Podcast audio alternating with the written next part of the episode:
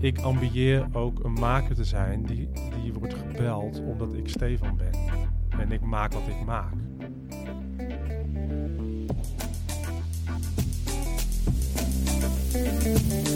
Je luistert naar de Pegel-podcast van Villa Media.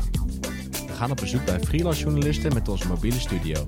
We vragen hoe freelancers ruimte maken voor journalistiek die ze echt belangrijk vinden. En hoe ze ondertussen het hoofd boven water houden. Ik ben Sjoerd. En ik ben Erwin. Deze keer spreken we met Stefan Wittekamp. Hij is producer, regisseur, maar bovenal verhalenmaker voor journalistieke en niet-journalistieke opdrachtgevers.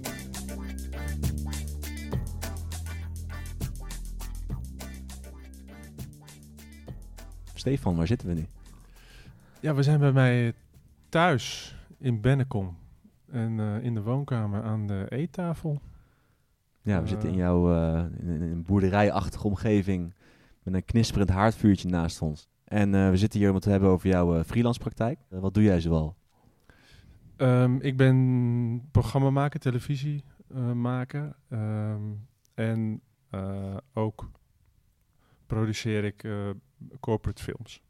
Mhm. Dus die combinatie, ik denk een beetje 50-50. En Ik stuurde jou een berichtje en eh, je zei het is een goede timing, want ik ben net met een fantastisch project bezig. Ja. Het leukste project waar ik in jaren aan gewerkt heb. Ja, ja ik heb, ben nu bezig voor eh, de NTR, een, voor NPO 2, een zesdelige serie te maken over het universum. Over het universum, dat is een heel breed onderwerp. Ja, nou dat is, en dat is fantastisch. om daar al als onderwerp sowieso. Het is natuurlijk wel. Qua televisie is het ook wel weer lastig, omdat het. ik ben wel gewend om onderwerpen te maken, mensen te portretteren die er gewoon zijn, die kan filmen. Het universum is wel een onderwerp wat, wat je niet zomaar even filmt. Dus het is wel heel veel praten over, wat ook wel weer interessant is. En het is, een, eh, het is met Govert Schilling, die heeft het eh, eigenlijk in grote lijnen opgezet. Ehm, eh, dat bij een met een producent, bij een producent neergelegd. Die heeft met de NTR gepraat en die waren geïnteresseerd. En toen ben ik daarbij gekomen als eindredacteur en, eh, en regisseur. ehm, om, om het eh, te maken, echt. Ja, en dat doe jij als, eh, als freelancer. Ja.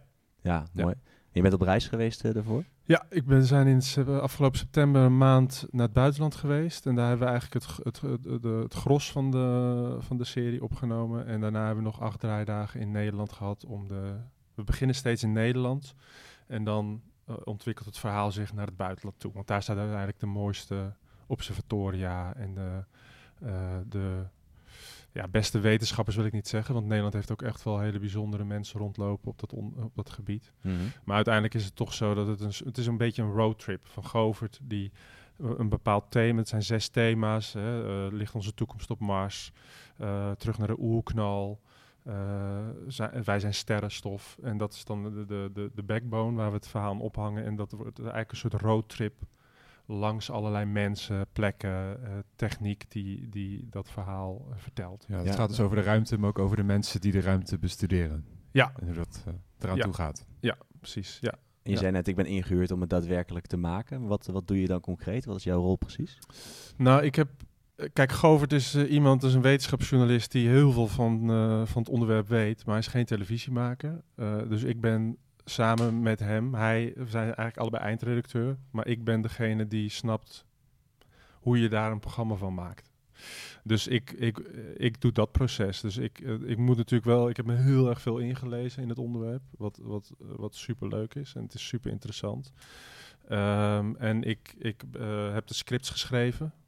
Ik ken de mensen niet, dus Govert zegt van nou bij dit onderwerp denk ik dat we bij Pietje, Henkje en Kees en Jantien moeten zijn.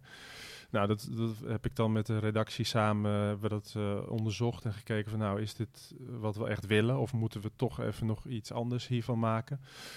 Wat televisiematig interessanter is.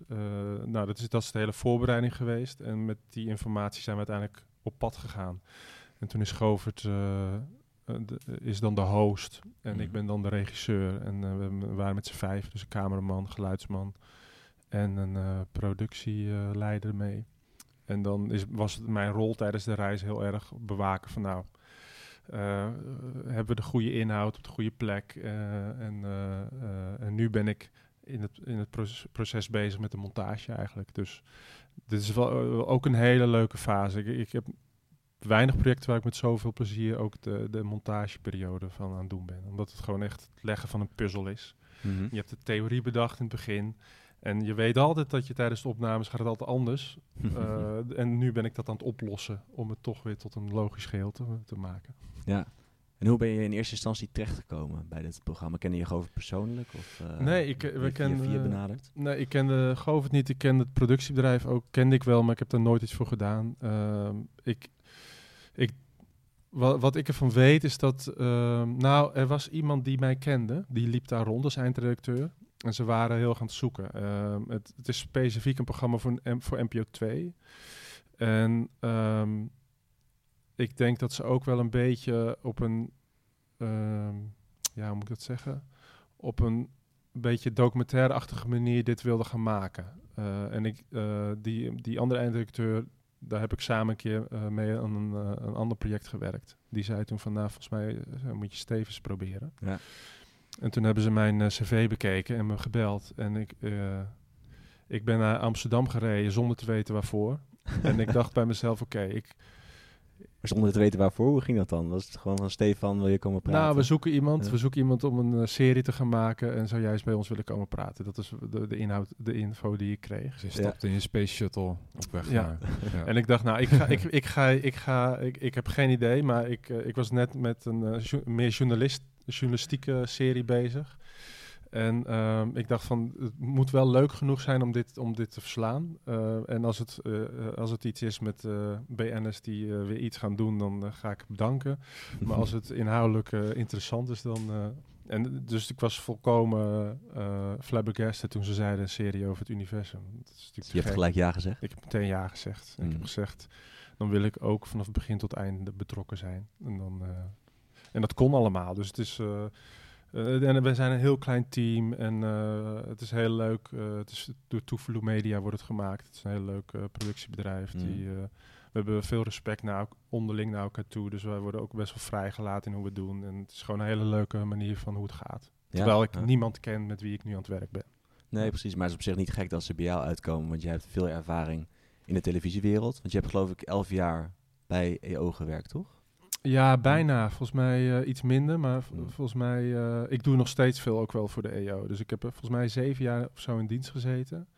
En ik ben sinds 2008 of zo, 2009 ben ik eh, voor mezelf helemaal gegaan. Maar ik, het is nog steeds wel een plek waar ik, waar ik regelmatig eh, kom. Ja. Ja, ja. Als freelancer dan nu. Mhm. ja. Waarom ben je freelancer geworden? Ehm, nou, ik, ik, de, ik, eh, mijn week was, was in tweeën gedeeld. Ik, ik was eh 2,5 dag eh, al, eh, voor de EO aan het werk en 2,5 dag als eigen, als voor mezelf als eigen producent.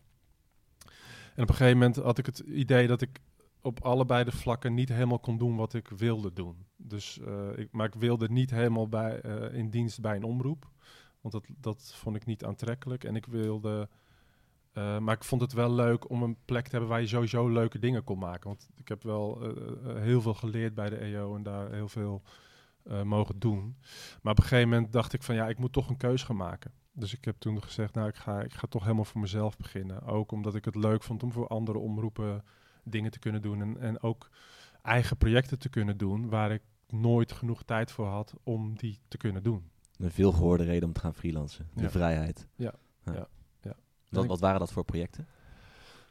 Ehm, nou, ik wilde gewoon heel graag wel een keer een documentaire maken zelf. En eh, dat kwam gewoon niet van de grond in, die, in, die twee, eh, in dat tweespan waar ik toen in zat. En uiteindelijk heb ik, heb ik dat in 2011 heb ik dat, eh, wel kunnen doen. Eh, en dat was denk ik twee of drie jaar nadat ik voor mezelf echt ging werken. Dus een documentaire over mensen die, die denken dat het einde van de wereld Ja. eraan komt. Ja. Hoe is dat tot stand gekomen? Eh, ik heb die samen met Suus gemaakt. Dat is mijn eh, eh, vrouw. En Suus die vindt het altijd heerlijk om conspiracy sites af te struinen en dat soort onderwerpen allemaal te lezen. Dus die op een, op een avond zei zij tegen mij, joh Steve, ik heb nou iets gevonden. dit is echt super intrigerend. En dat was dus deze, deze club mensen. Eh, ehm, en die dachten dat in mei eh, 21 mei 2011 de wereld zou vergaan. Dus de Maya's hadden het bij het verkeerde eind. En dit en dat. Die reden rond met RV's door Amerika. Ja, dat waren Amerika Amerikanen, ja. ja. Ja. En er was een bijbelleraar eh, die een radioprogramma had elke zondag. Eh, Open Forum heette dat, Harold Camping. En die had eh, in de Bijbel dit gelezen en die verkondigde dat op de radio. Het is geen secte. Heel mensen denken dan, oh, dat was een secte. Want het is gewoon, iedereen luisterde thuis naar de radio en eh, deze eh, studeerde zelf erop door. Dus het was niet zo dat ze elkaar bij elkaar kwamen en eh, van die clubjes. Dus, maar het was wel een hele serieuze overtuiging. Want mensen gaven echt hun leven op omdat ze ervan overtuigd waren dat het die dag echt zou gaan stoppen. Dus, de, dus ze hadden gespaard voor hun kinderen, voor de, de high school en te gaan studeren. Maar met deze realisatie stopten ze dat soort, eh, stopten ze hun werk. Ze budgetteerden tot aan die dag.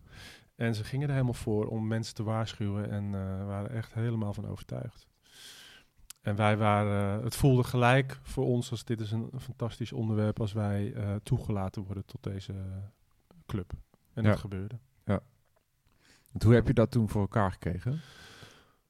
Ehm, nou, wij, we voelden allebei meteen, dit is, dit, eh, als het ons lukt, is dit echt, kan dit echt een heel mooi, eh, is dit een heel mooi onderwerp om Mhm. hierbij te kunnen zijn. En eh, ik denk dat vooral die overtuiging, dat wij dat zelf ook dat idee hadden, ons heel erg heeft geholpen om dit idee ook te kunnen realiseren. Om, hè, wij zijn, we zijn bij wijze van spreken, eh, omdat ik zo een goede connectie bij de EO had, ben ik daar als eerste gewoon naar binnen gelopen. En het, het raakt ook aan deze omroep deels, omdat het een, een bijbelse overtuiging was. Ehm, en eh, dus het, het had veel raakvlakken. En we hebben, we hebben eigenlijk gewoon meer gezegd van jongens, wij gaan op reis. Dus we gaan sowieso. En als ik jullie was, zou ik, zou ik meedoen. Dat is een beetje in Ja. plaats van, Ja, weet ja, je de wel, omgekeerde Dan geven jullie de kans Ja. om mee te doen. ja, Ja. Dat, en dat is eh, m, niet, had niet die arrogantie, want zo klinkt het natuurlijk wel, maar het is wel, wel wat wij ons, hoe wij het wilden gaan doen. Het is een hele andere verhouding dan wanneer je ergens in dienst bent of eh, wordt, wordt gevraagd voor een programma, Ja. kan ik me voorstellen. Ja, en, en eh, uiteindelijk, eh, dat, ze waren ook meteen enthousiast en, en ze, ze hebben, zijn altijd, ze hebben, we hebben een hele, het is een co-productie geworden en we hebben een hele goede samenwerking gehad. Maar het was wel dat die, ik denk dat die overtuiging bij ons, dat het gevoel van ja, dit is echt goud en dit moeten we gaan maken, dat dat gewoon een, een hele goede stok achter de deur is geweest. En zij waren meteen enthousiast, waardoor je ook meteen dan je, je, je onderzoeksproces eh, in sneltreinvaart moet gaan doen. Ja. Dus Dus je we vaker gehoord hebben, dat mensen zeggen van oké, je moet gewoon een onderwerp hebben wat je zo raakt. Dat je denkt van oké, die productie die komt er sowieso. Ja. En dan komt het geld er ook wel. Nou, ja, dat is, Ja. dat is ook hoe dit is gegaan. En ik denk daarnaast ook dat je er ook meteen... Het was natuurlijk een heel online club. Omdat ze niet elkaar op, eh, opzochten. Dus dat is voor ons ook heel makkelijk om aan te haken. Dus online stond er gewoon heel veel. En we hebben gewoon Mhm. persoonlijk contact gemaakt met die mensen. En toen kwamen we al snel achter dat een fantastisch verhaal van een, een zwangere vrouw... die een maand na hun datum was uitgerekend. Dus Zo. eh, dus er zaten zoveel mooie kanten aan de personages die we heel snel vonden. Dat, dat het al- alleen maar eh, dat Mhm. het een soort sneeuwbal werd die ging rollen. Maar het was wel een beetje guerrilla project. Het is niet zo dat we hè, twee maanden nadat we het onderwerp vonden, zaten we al in het vliegtuig om het te gaan maken. Zo, dat is heel snel. Dus het is niet zo dat wij tijd hadden om fondsen aan te schrijven of om een goed gedegen onderzoek te gaan doen. Het was wel een beetje eh, pak de camera, eh, pak een bezemsteel, bind een, eh, een, microfoon eraan en we gaan draaien. En zo heeft het ook echt gedaan. Mhm. Eh, Letterlijk, letterlijk met die bezemsteel. ja, ik ben, echt, ik ben echt naar de Walmart gereden als eerste. ik heb een uitschuifbare bezemsteel gekocht. Ja, ja. En daar een, eh, een zoom aan gebonden, een z- twee zenderkastjes. En eh, nou, let's go, aanbellen. En, eh, ja. Nou, misschien ook wel zijn voordelen, dat wat minder intimiderend is voor de, voor de geïnterviewde. Nou, ik denk dat, dat de kracht ook wel van, dat, van dit proces was dat wij samen, eh, dat wij als stel eh, redelijk snel vriendschap maakten met de mensen. Ja. En ik denk ook dat wij heel erg. Kijk, er waren al heel veel nieuwsitems geweest die, die deze mensen meteen belachelijk maakten. Eh, ja, hoezo? De wereld gaat echt niet, dus waarom doe je dit? En eh, moet je kijken, gaan ze weer. Hmm. Terwijl wij wel echt ge- ervoor gekozen hebben om, om naast deze mensen te gaan zitten en, en te kijken van waar komt nou dat vandaan, dit gevoel en waarom eh, deze drive. En uiteindelijk gaat de film ook over, over hoe fundamentalisme je eigenlijk isoleert van de samenleving. Mhm. Uh, maar ik, wij snapten wel het ontevreden gevoel wat deze mensen hadden over de maatschappij en de, de manier. Gaat het nou allemaal om, om sneakershops af te lopen en weer, weer een vijfde paard te kopen en daar uh, op te gaan lopen? Het is een soort ontevreden gevoel wat uh, ten grondslag lag aan, aan, aan deze overtuiging. En ook ook een soort gevoel van ik wil wel bijzonder zijn of ik wil iets anders zijn. Uh, weet je Dus wel. de film gaat over veel meer dan alleen die, die mensen en die overtuiging. Ja, uiteindelijk wel. Dus uh, ik denk dat sowieso een goede film moet, moet gaan over, over meer dan... Dat, is, dat vind ik wel het onderscheid tussen film en televisie. Televisie gaat heel vaak, voor mijn gevoel, toch wel over wat er nu speelt en nu belangrijk is. Terwijl een goed verhaal vertellen gaat natuurlijk overstijgt tijd en, en uh, is van alle tijd. Weet je wel? Een, een, goede film uit de jaren 50 kan je nu ook nog kijken. Uh, is nog Eh, steeds relevant. Het is het misschien langzamer is. of wat dan ook, maar als het een goed verhaal is, is het nu, doet het nu ook ter zake. Ja. Je zei net, uh, we zaten in twee maanden, na twee maanden al in het vliegtuig en we hadden geen tijd om fondsen aan te schrijven en dergelijke. Hoe, hoe hebben jullie dat uh, bekostigd? Is dat via de EO gegaan? Of, uh... Ja, de EO, kijk, uiteindelijk er is veel meer tijd in gaan zitten dan dat wij voor in geld retour van hebben gekregen. En dat is een keuze die je maakt. Ja. Het is ook onze eerste eigen film geweest en dan is dat prima. Ik denk ook dat je, dat je jezelf twee of drie films moet gunnen om, om uren te kunnen maken. En ik denk dat, en dat wordt ook vaak gezegd, hè, veel fondsen hebben ook als, als, uh, als randvoorwaarde dat je het wel eerst twee uh, films hebt gemaakt voordat je überhaupt iets krijgt. Ja. Maar uh, de EO heeft gewoon, we hebben gewoon een deal gemaakt met de EO en die heeft een, een x bedrag betaald uh, waarmee wij op reis konden gaan. Met de deal daarna bij van uh, we willen het materiaal zien als jullie terugkomen. Mm -hmm. En dan pas gaan wij... go, no go? Ja, dan, dan krijg je de rest van het geld. Uh, wel van tevoren afgesproken hoeveel geld het zou gaan totaal. En zeg maar even een, een derde daarvan was hun risico. En uh, wij zou, zij zouden de eerste partij zijn als we het footage hadden om het door te kijken en dan uh, te zeggen van we gaan ervoor en we maken Mhm. het af. Ja. En dat, uh, dat, dat proces is zo gelopen. Dus hebben we meteen gezegd van nou, we willen doorgaan. We maken er van film van, korte co-productie. En, Ja, ja. Dus uitgezonden door de EO, neem ik aan. Ja. Um, is het nog ergens anders terechtgekomen? Op filmfestivals? Ja, of uh, het is nog eh, verkocht? Of, het is eh, nog op, op het heeft het op het Nederlands Filmfestival toen nog gedraaid. En het is in Amerika, op het, in New York, door een, filmfestival opgepikt. En die hebben het ook gedraaid. Dat was heel tof, want toen kon ik ook de hoofdpersonen uit de film uh, voor de Q&A erbij vragen. Dus, dus uh, een, een aantal van die mensen, of twee, we hebben eigenlijk drie stellige of drie men, uh, hoofdpersonen gehad. En twee daarvan waren bij dat filmfestival ook aanwezig. mhm. En die hebben het publiek te woord gestaan. Um, en uh, daarvanuit heeft weer een, een distributeur het opgepakt. Dus het is, is uiteindelijk bij een distributeur in Londen terechtgekomen. En die heeft het aan een aantal landen nog weer verkocht. En volgens mij, ik heb het idee dat het nu op Amazon staat. Mhm. En dat een, uh, de film is in 2012 uitgezonden, maar we hebben nog steeds wel dat we af en toe nog wat uh, krijgen voor de, de rechten. Waar, waar, waar, komen die 5 euro vandaan? Ja, precies. Ja, zo gaat ja. het dan. Oh, ja. dus de, de, uiteindelijk uh, een distributeur heeft het opgepikt en dat is heel Ja. fijn. -hmm. Want dat is allemaal processen waar ik niks van weet, maar wel heel fijn is dat dat gebeurt. Dat, iemand het oppakt. Ja, ja, ja precies. Dat soort pro projecten kun je ook doen bij de gratie van, van ander werk. Want je zei, ik maak ook bedrijfsfilms. Ja. Um, hoe ligt de verhouding bij jou tussen uh, journalistiek en niet-journalistiek werk? En werk wat je graag wil doen en werk dat je doet voor de, voor de inkomsten? Nou, ik denk een beetje 50-50.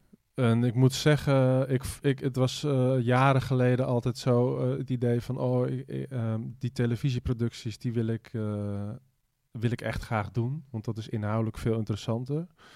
En die bedrijfsfilms, dat doe je erbij om, uh, om een beetje geld te verdienen. Maar ik, ik, als ik heel eerlijk ben, uh, vind ik juist die, die, die corporate producties inhoudelijk ook veel interessanter geworden. Mhm. En heb ik vaak bij televisiewerk het gevoel van...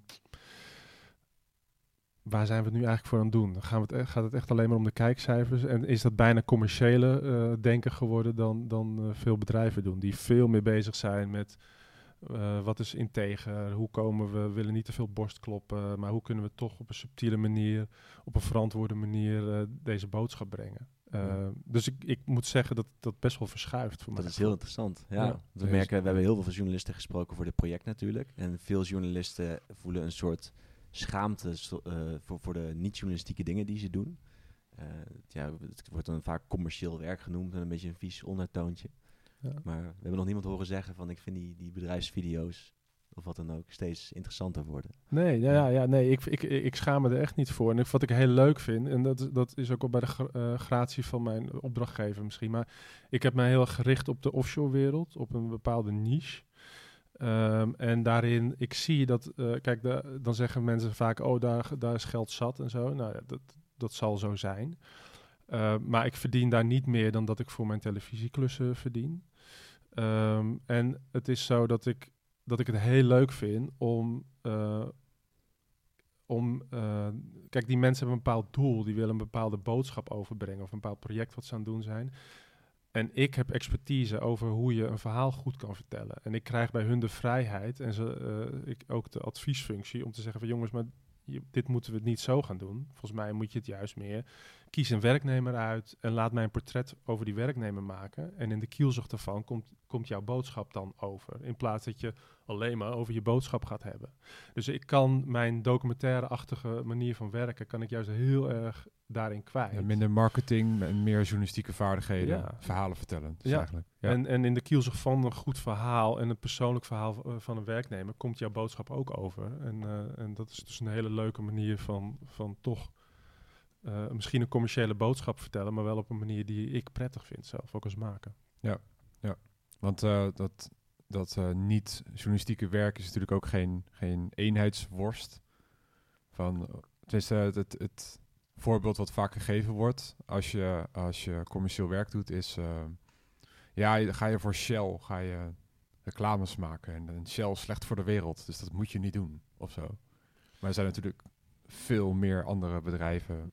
Ja, nou, het laatste project wat ik bijvoorbeeld heb gedaan, en ik bedo- bedoel, ja, of, of iemand, iemand kan altijd vuil zijn, weet je wel. Ik bedoel, dat, dat is zo natuurlijk. Mm. En eh, dan, dan moet je voor jezelf gewoon eh, de keuze maken, wat wil ik wel en niet doen.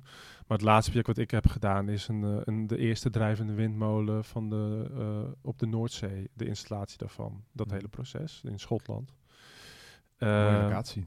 Ja, mooie locatie en een mooi onderwerp. Het is, weet je wel, de, de, offshore wind, drijvende windmolens, daar, daar zit toch een grote toekomst, denk ik, ook wel. En eh, duurzaam en alles. Dus ja, dat kan ook, weet je wel. Het is niet alleen maar olie en gas. Ja, of, eh, precies, ja. ja. Ja, het gaat dan ook snel over de onafhankelijkheid. Dat journalisten zeggen van ja, maar als je voor commerciële partijen werkt, dan kun je niet meer kritisch schrijven over dat vakgebied of, of Ja, films maken. Of Nee, dat is zo. En dat, ik- dat, dat, da- daarom, ieder moet het persoonlijk voor zichzelf weten. Maar ik zie mijzelf ook niet als journalist. Of het, Mm. ik, ben een, ik zie mijzelf liever als een verhalenverteller. Mm. En ehm, als, ik, als ik op een toffe manier een verhaal kan vertellen. Natuurlijk, moet- eh, eh, kijk, ik, ik ben ook in Afrika geweest. Ik heb bij een kinderthuis gestaan. eh, bij, bij, eh, van een, een of andere pastoor die daar in Kenia een kinderhuis had opgezet. En dat, dat runde. Dan ben je echt, denk je echt, ik doe fantastisch werk. Twee jaar later bleek dat hij eh, aan de helft van de jochies zat. Met, Ja. met zijn vi- met zijn vingers. En denk je, nou, ik heb eh, een mooi podium voor hem gegeven. En dan is dat het, weet je wel. Mhm. Daarom zeg ik, een v- eh, v- eh, viezigheid kan overal zitten. Ja. Weet je wel? En natuurlijk moet je zeggen, kijk, ik snap dat voor Shell werken niet fijn voelt voor een journalist. Dan moet je dat gewoon niet doen. Ja, het is ook een fict- in heel veel gevallen een fictief voorbeeld. Want Ja. de echte wereld is veel ingewikkelder dan dat en veel diverser dan Ja. dat. Ja. Ja, want je stapt wel in je auto en je rijdt hem om je werk te doen en alles. En dan, weet je wel, dus het, is, Mm. het ligt allemaal heel Dus genuanceerd. no- nog een dimensie inderdaad erbij. Ja. Ja.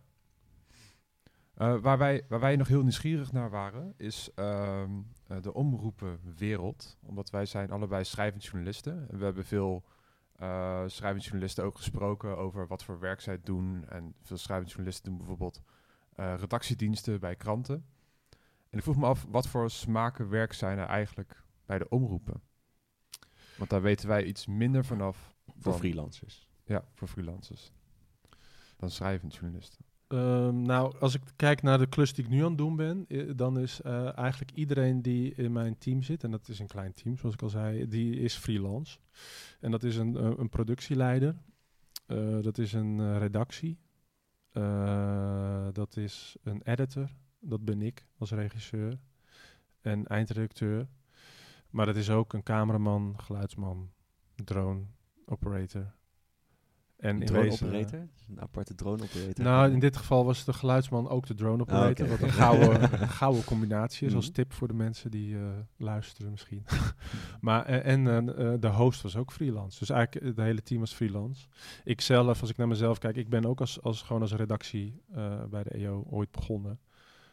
Ik ben daarna vrij snel programmamaker geworden. En, maar ja, je hebt, je productie, redactie, host, camera, geluid, regie, eindredactie. Dat De- is een hoe ben jij dan programmamaker geworden uiteindelijk? Ben je gewoon doorgegroeid binnen de, binnen de EO? Ja, ik, ik, eh, dat vond ik uiteindelijk eh, het leukste om te doen. En het lag mij ook. Het was ook wel de tijd dat, eh, dat, die, dat, die eigen, dat de PD150, noem je dat, in je zo'n Sony-camera, dat dat helemaal hot was. Dat dat opkwam. Je, tot dan toe was, had je natuurlijk altijd, de, de, je moest een hypotheek afsluiten om een camera te kopen. Maar dat was een beetje die omslag, dat, dat een camera gewoon bereikbaar was voor iedereen. Dus ging de redactie ook zelf draaien. En ik, ik kwam net van mijn opleiding af en ik had daar wel feeling mee. Dus ik, dat ging heel goed met mij. Waardoor ik eh, snel een, een cursus itemregie ben gaan doen. Dus En, welke, eh, welke opleiding was dat die je gedaan hebt? ik, ik ben landschapsarchitect. Die, eh, die zag ik niet aankomen. nee. nee, daarin ook. ik, no, no- nog, ik, fantastisch vak en ik heb echt genoten van de opleiding. Maar ik kwam er wel achter dat, het, dat de processen die daar spelen te, te traag gaan voor, voor mijn persoon. En eh, ik het veel leuker vond eigenlijk om een plan te bedenken. Ik heb het richting ontwerpen gedaan, dus dan maak je een ontwerp van een park of een stuk stad. En ik vond het heel leuk om, eh, om dat te presenteren, om, om een verhaal te vertellen over dat idee wat ik had. Ja. En toen dacht ik van, nou, daar moet ik, volgens mij moet ik daar iets mee doen. Dus dan ben ik gewoon, ben stage gaan lopen, het, het, het leerling-meester eh, principe. Ik ben Ja. gewoon gratis drie maanden bij de EO gaan werken, omdat ik daar iemand kende. Hmm. En eh, om gewoon eens te proeven van, vind ik het leuk? En ik vond het leuk en de EO vond het leuk. En zo is dat eh, gaan rollen. Oh, interessant joh. Uh, maar toen ben ik als redacteur begonnen, dan programma, pro- programmamaker geworden. En, en toen uiteindelijk, ja, nu gewoon ben ik nog steeds programmamaker eigenlijk. We hebben het ook met veel, eh, veel journalisten gehad over ehm, eh, tarieven die ze krijgen. Want we zien in de, schrijvende journalistiek is dat freelance journalisten die eh, nou, tijd erover in de journalistiek willen bedrijven, dus meer willen doen dan bijvoorbeeld nieuwsberichtjes tikken. die verdienen niet genoeg bij de uitgevers om dat te kunnen doen. Ik heb het idee dat bij de omroepen de tarieven nog wel iets gunstiger zijn. Wat is, wat is jouw beeld, beeld daarvan? Nou, ik denk, ik denk op zich wel dat het. Dat, dat, eh, ik denk wel dat er verschil is tussen de geschreven eh, pers en de televisiejournalistiek. ik denk wel dat daar een, eh, dat dat beter betaald wordt bij de televisie. Alleen, wat wel zo is, is, is dat ehm, ik daar ook lastig iets over kan zeggen. Kijk, ik, het is wel zo. Ik, ik werk nu. 2003 ben ik begonnen met mijn eigen bedrijf, dus dat is dus 15 jaar. In die 15 jaar is mijn dagprijs niet gestegen. Dus die is al 15 jaar gelijk. Ja. Nou ja, als je dat tegen mensen buiten deze branche zegt, die kijken je echt aan. Die denken, eh, weet je wel, eh, alsof ze eh, naar marsmannetjes zitten te kijken. ik zit blijven bij het huidige project. Maar dat zegt wel iets. En ehm, ik hou, ik heb voor mezelf wel, ik ga niet zakken. Dat is wel een paar keer geprobeerd. En, gel- en gelukkig lukt me dat om dat te kunnen doen. Uh, maar eigenlijk, ik merkte wel dat de druk om te zakken, uh, dat dat stijgt. Hmm. En ik denk ook dat er heel veel mensen bij de televisiewereld nieuw komen, die, uh, die echt wel een stuk minder verdienen dan ik dat doe. Ja. ja, die stappen lager in en je Ja. gaat... Ja, En ik hoop omhoog. voor hun dat Ja. het omhoog gaat, maar mijn ervaring is dat het niet omhoog gaat. Nee, precies. Dus ik Ja. ben heel benieuwd. Ik ben, ik ben hun niet en ik weet niet waar, waar, hoe het in hun toekomst gaat. Maar. Mhm. voor, voor mij lukt het om, om de prijs te handhaven. Maar dat, de, er is wel druk geweest om dat, eh, om dat anders te, om dat naar beneden te duwen. Ja. Ja. Ehm, En wa- wat je, wat je verdient, dat hangt ook samen met de tijd die je moet investeren om, om werk te krijgen. Hoe werkt dat in de, in de omroepenwereld? Als jij een nieuwe klus zoekt of je hebt een idee en je wil iets verkopen, hoe, hoe gaat dat? Ja, er zijn heel veel collega's die zie ik dat die echt op, op LinkedIn eh, op een gegeven moment gewoon aanzeggen, die eh, eh, zetten van nou jongens, ik ben weer beschikbaar eind van deze maand. Ik heb dit en dit hartstikke leuke tijd gehad. Eh, ik ben, kan ik weer wat doen. Ik denk dat dat goed werkt. Ik heb het zelf nog nooit gelukkig hoeven doen. Eh, omdat er altijd wel weer iets. Ik weet nu alweer. Ik ben eind januari met deze klus klaar. Het is nu half december. Hmm. Maar ik heb alweer tot, de- tot aan juni staat er weer een volgende klus klaar voor mij. Dus op, een- op een of andere manier denk ik dat ik. Op een, ja, dat, het komt gewoon wel weer eh, aanrollen. En daarnaast loopt het, de corporate projecten liggen ook weer klaar. Dus ik, ben, ik zit eigenlijk voor volgend jaar weet ik al wel weer dat het redelijk goed zit. Ideaal. Word je dan gewoon gevraagd voor die projecten? Of, Ja. of regel je die eh, terwijl je met een ander project bezig bent? Nee, dit, eh, op een manier komt dat, eh, word ik weer gebeld en zeggen ze van, joh Steve, ik heb dan ook tegen hun gezegd van, er komt nu een klus aan die ik nu dus aan het doen ben. Ik ben pas eind januari weer beschikbaar. En dan eh, komt eind november een belletje van, joh, loop je nog op schema, ben je eind januari weer beschikbaar, kunnen we je dan eh, vanaf dan weer boeken. Ideale situatie, niks Dus ja. aan doen. Nee, daarom, dat, ga- dat loopt gewoon door. Maar ik denk, ik, dat, ik zit, ik, er zit ook wel natuurlijk twintig jaar bijna aan, aan eh, Ja. hard werken en eh, investeren aan Kwaliteit vooraf. leveren. Ja. En kwaliteit leveren. En ik denk dat dat uiteindelijk belangrijk is. Dat je moet, pro- je moet toch bedenken, wat wil ik maken? En dan tussen de, de, de brood op de plank klussen door moet je proberen dat toch te kunnen te doen. Ja. En als je dat, dat, dat zet ik ook op mijn site. Ik zet ook niet alles op mijn site. Ik zet op mijn site waarvan ik denk van nou, dit vond ik leuk. Dat wil ik wel weer blijven doen. Ja. En dan zorgen dat dat, dat, dat, ja, blijkbaar lukt het dan toch omdat mensen denken van, oh ja, Steve, hij is weer beschikbaar. Laat Ja. hem dan vragen. Ja, veel mensen die, eh, die, die beginnen als freelancer in de journalistiek, die ehm, zijn op zoek naar een soort quick fix. Dus die zeggen dan van, joh Sjoerd, jij spreekt veel freelancers. En eh, ehm, wat, wat, welke drie dingen moet ik doen om het te maken als freelance journalist? Maar zo simpel is het helemaal niet natuurlijk. Het is Nee. gewoon een, een kwestie van jaren, jaren goed werk leveren en, Ja. en iets opbouwen. Ja, en ook, ook eh, denk ook niet te, te snel tevreden zijn. En eh, eh, inmiddel, ik, kan nu ook wel, ik kan nu ook wel redelijk kiezen wat ik doe. Dat is natuurlijk ook fijn. En dat is ook niet voor iedereen. Hmm. Ehm, maar je- dan kies ik er wel voor. Soms doe ik ook gewoon klussen, heb ik gedaan. En dan denk ik van, nou ja, ik doe ze. Maar ik ga er verder niet aan de grote klok hangen dat ik dit doe. Dus je moet daar wel een beetje over nadenken van, Vanwege waar wil ik naartoe? Ja, of, of, of dat ik denk, ja, ik- het is niet mijn eindverantwoordelijkheid geweest. En ik ben niet zo blij hoe het uiteindelijk geworden is. Ja. Dus Ja. ik ga er gewoon, ik ga er niet mee te koop lopen. Dat Ja. ik er jaren mee heb gewerkt. en, Mhm. en soms is het wel heel tof, ondanks dat je een kleine rol hebt gespeeld. En denk je van, nou, dat zet ik dan wel op mijn site, weet je wel. Ja. Dus je moet er gewoon een beetje. Maar ik denk belangrijk is dat je gewoon hard werkt. Dat je altijd goed je best doet en goed werk levert. En eh, zeker in, in het begin ook nooit eh, te goed voelen voor iets. Maar ehm, er dus geldt denk ik ook wel een gevaar in de gedachte dat je voor geen geld of weinig geld iets moet doen om ergens te kunnen komen. We hebben ook met, met een hoogleraar mediastudies gesproken, bijvoorbeeld in deze podcast. En eh, die, die had een, eh, de uitspraak, de media-industrie drijft op een hele precaire dobber van gratis en onderbetaald werk. Hoe zorg je ervoor dat die, dat die groei erin zit? Ehm, En dat je niet die- onderbetaalde freelancer blijft. Nou, ik ben niet. Ik ben, eh, je kan op twee manieren daarnaar kijken natuurlijk. Want ik denk dat gratis werk heb ik ook gedaan in het begin van mijn. al- alleen ik denk dat, er, dat je goed moet nadenken. Wat is mijn beweegreden hiervoor? Kijk, ik, ben, ik heb mezelf drie maanden gratis bij de EO aangeboden. Omdat ik helemaal niks wist van die wereld. En dacht van ik wil gewoon. Mijn doel is om erachter te komen: vind ik dit leuk of niet? Dus je moet, je moet voor jezelf een goede afweging maken. Of je kan, je hebt een enorme ambitie, ik wil fictiefilms gaan maken.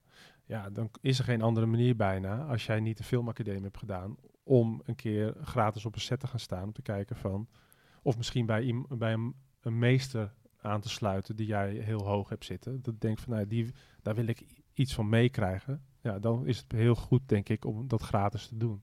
Ja, ja. Ik denk alleen, eh, je moet niet de markt verzieken en je moet niet ehm, alles maar doen voor eh, een peulenschil. Nee, Want dus dan je moet weten wat je persoonlijk doel is. ja, En om dat doel te bereiken kun je iets voor geen of weinig geld doen. moet je je afwegingen maken. En dat Ja. kan niet. Je kan ook niet allemaal gratis werk doen. Dus je moet wel zorgen dat je daarnaast ook dingen doet die wel betalen. Mhm.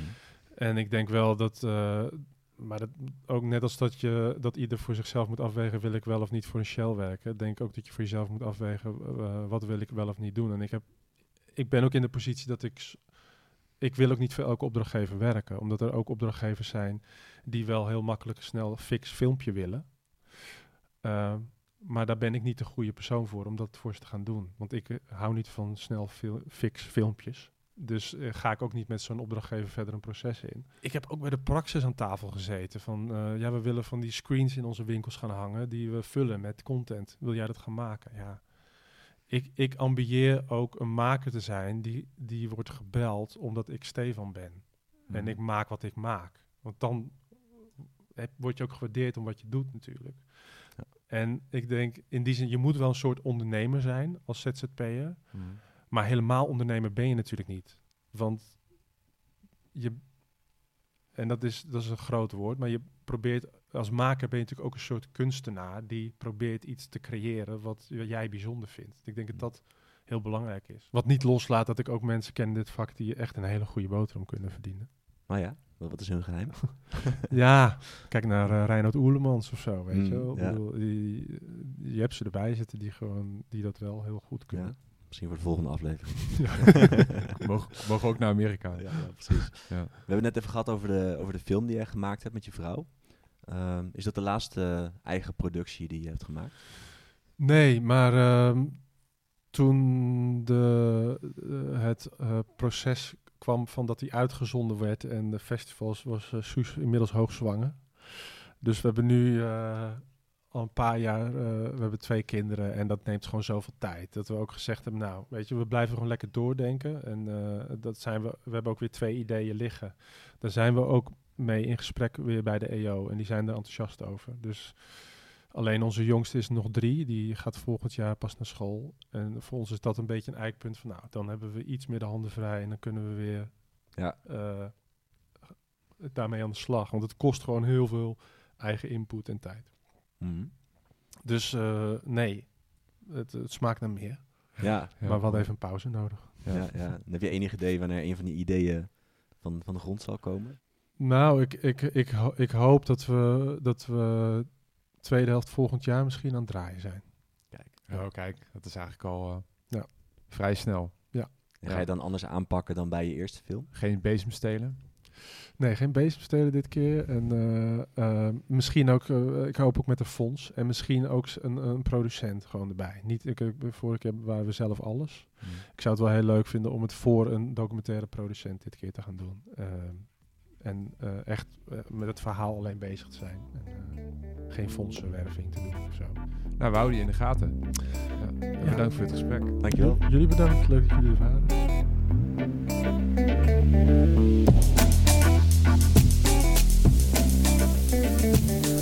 Je luisterde naar de Pegel Podcast.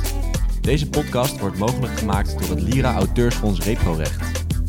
Ben of ken jij een freelance journalist met een goed verhaal? Stuur een mailtje naar pegel.vilamedia.nl Bedankt voor het luisteren en tot de volgende aflevering.